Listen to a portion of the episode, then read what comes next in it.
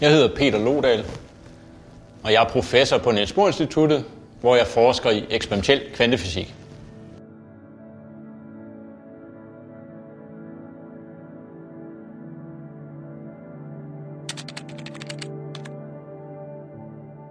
Vores verden kan beskrives ud fra fire fundamentale naturkræfter.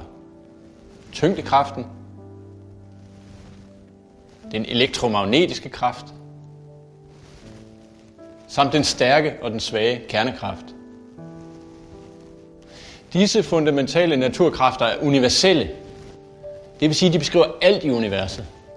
Fra de allermindste atomer til stjerner og galakser og til Big Bang.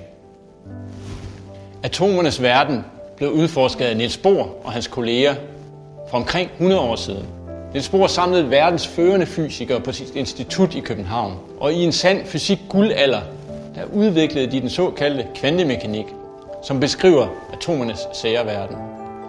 Det viste sig, at atomer og andre kvantepartikler de kan være to steder på samme tid. En såkaldt superpositionstilstand.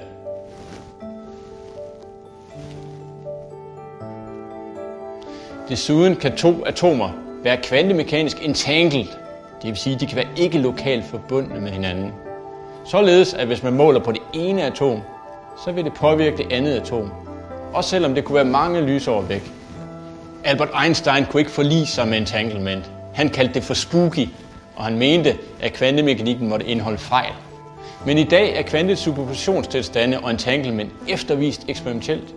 Og vores dygtige unge studerende og forskere, de arbejder med det i vores laboratorier på Niels Bohr Instituttet hver evig eneste dag. Niels Bohr udviklede teorien bag kvantemekanikken og forestillede sig gedanken-eksperimenten, det vil sige tankeeksperimenter. Forestil jer, at man kunne tage et enkelt atom, og så studere, hvordan en enkelt elektron henfalder fra en højere liggende tilstand til en lavere liggende energitilstand. I dette kvantespring fødes en foton, som er den fundamentale bestanddel af lys. Et lyskvant. Dengang havde man nok ikke fantasi til at forestille sig, at disse eksperimenter ville være mulige, og det har også taget os et århundrede at nå dertil. Men i dag, der laver vi præcis disse eksperimenter i vores laboratorium.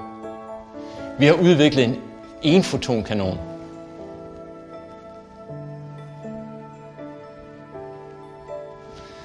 En fotonkanon er en lyskilde, som kan udsende netop en foton ad gangen, og på et bestemt tidspunkt og i den retning, vi ønsker. Udover at det er et interessant fysikforskningsprojekt, så har det faktisk også en række helt nye teknologiske anvendelser. Og i dag forsøger vi at bygge helt ny teknologi baseret på kvantemekaniske superpositionstilstande og entanglement. Ved at bruge fotoner i superpositionstilstande som kvantebits, så vil man kunne bygge kvantecomputer med en enorm regnekraft, som vil kunne løse regneopgaver, som selv verdens største nuværende supercomputer vil skulle bruge millioner over på at løse. Fotoner muliggør også ubrydelig kommunikation. Det vil sige, at man i et kvanteinternet vil kunne sende krypterede beskeder til hinanden, som ikke vil kunne hackes, da kvantefysikkens love er garanti for sikkerheden. Niels Bohr var opdagelsesrejsende. Han var drevet af en nysgerrighed efter at forstå verden på det mest fundamentale plan. Her et århundrede efter er vi fortsat i gang med at udforske, erkende og realisere kvantemekanikkens overraskende effekter. Men oven i det, så har vi forstået, at denne grundforskning også leder til overraskende og transformative nye anvendelser. Opdagelsesrejsen 2.0, hvor vi udvikler denne helt nye teknologi, er først lige begyndt.